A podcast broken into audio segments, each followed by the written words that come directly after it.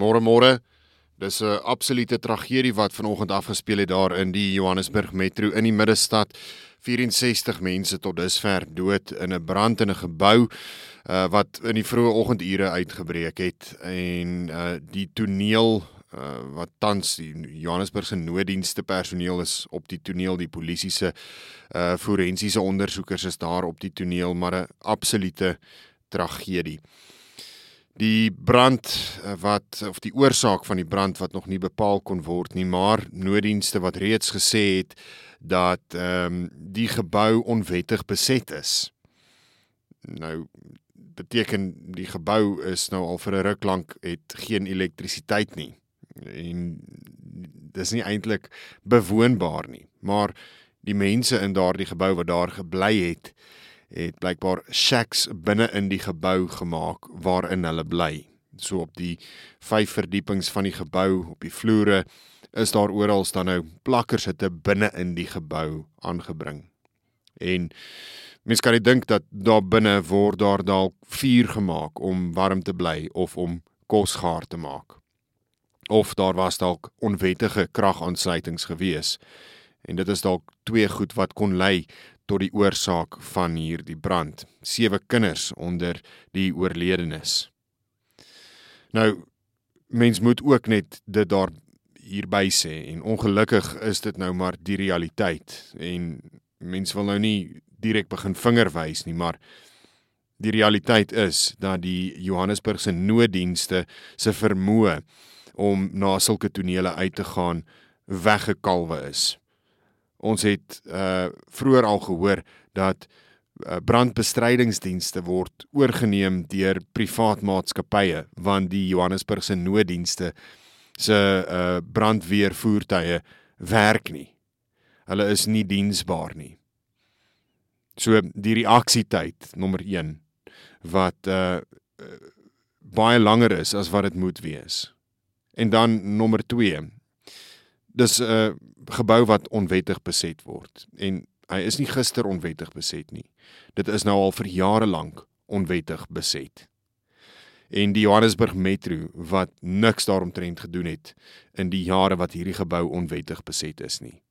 Daardie mense is toegelaat om daar te bly in daardie haglike omstandighede en die metro wat uh, net maar ander kant toe gekyk het. En ek weet daar gaan nou baie vrae gevra word maar hoekom is daar niks gedoen nie? En dit is geldige vrae wat gevra moet word.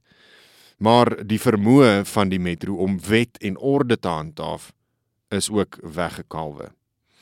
En ek dink in baie van hierdie gevalle waar mense onwettig geboue beset, word daar natuurlik omkoopgeld betaal aan beamptes om eerder maar ander kant toe te kyk.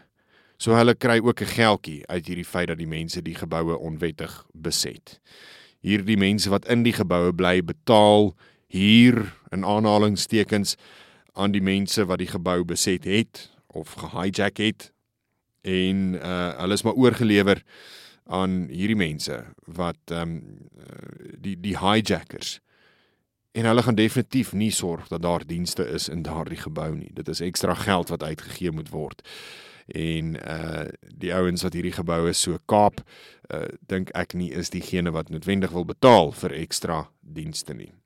So 'n baie hartseer storie, ehm um, maar ook 'n storie wat mense met baie vrae laat oor wat het die uh plaaslike regering daar in Johannesburg gedoen om te verseker dat wet en orde gehandhaaf word en dat die geboue waarin mense bly veilig is. Dit laat mense baie dink aan dit wat uh, aan die begin van die jaar daar in Turkye gebeur het met die aardbewing. Dat ehm uh, daar is uh bouplanne goedgekeur vir huise wat aardbewing bestand is. Maar die enigste rede hoekom daai bouplanne goedgekeur is is omdat mense omkoopgeld betaal het. Daar was nie eintlik enige maatreëls in plek om die geboue te versterk teen moontlike aardbewings nie. En ons het toe ook die dodetal gesien daar. Ehm um, die absolute hartseer gesien daarson. Nog 'n ander storie Action SA het gister nee gesê vir die doodstraf. Dis 'n 'n storie wat nogal baie reaksie ontlok.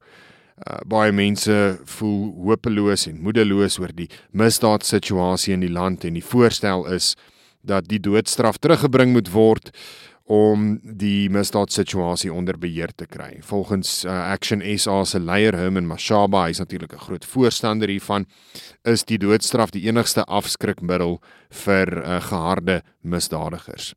Action SA het in 'n strategiese beplanningssessie egter teen hierdie besluit. Dit gaan nie deel wees van uh sy beleid nie. So Action SA is nie 'n party wat uh tydens die verkiesing gaan sê ons wil hê die doodstraf moet weer ingestel word nie.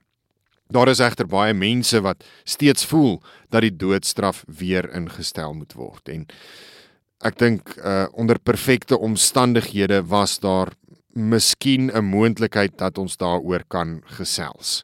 Maar ongelukkig leef ons in 'n land waar jy nie kan staatmaak op die polisie nie, waar jy nie kan staatmaak op die nasionale vervolgingsgesag nie en waar jy dan 'n besluit oorlaat in die hande van die regbank wat ook minder vertrou, al hoe minder vertrou kan word.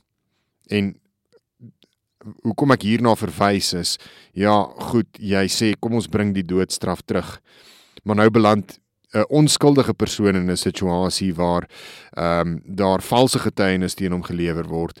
Die regter stem in tot daardie valse getuienis, maak 'n verkeerde beslissing en 'n onskuldige persoon word die doodstraf opgelê. Dit kan ook wees dat daar in sekere gevalle 'n uh, 'n swaarder straf gegee word as wat regtig nodig is. En dan word iemand wat skuldig is maar waar die getuienis nie oorweldigend is dat hy wel, jy weet, skuldig is aan aan 'n ernstige misdaad, ehm um, dat hy moord gepleeg het met voorbedagte rade nie dat die doodstraf in sulke gevalle ook toegepas gaan word.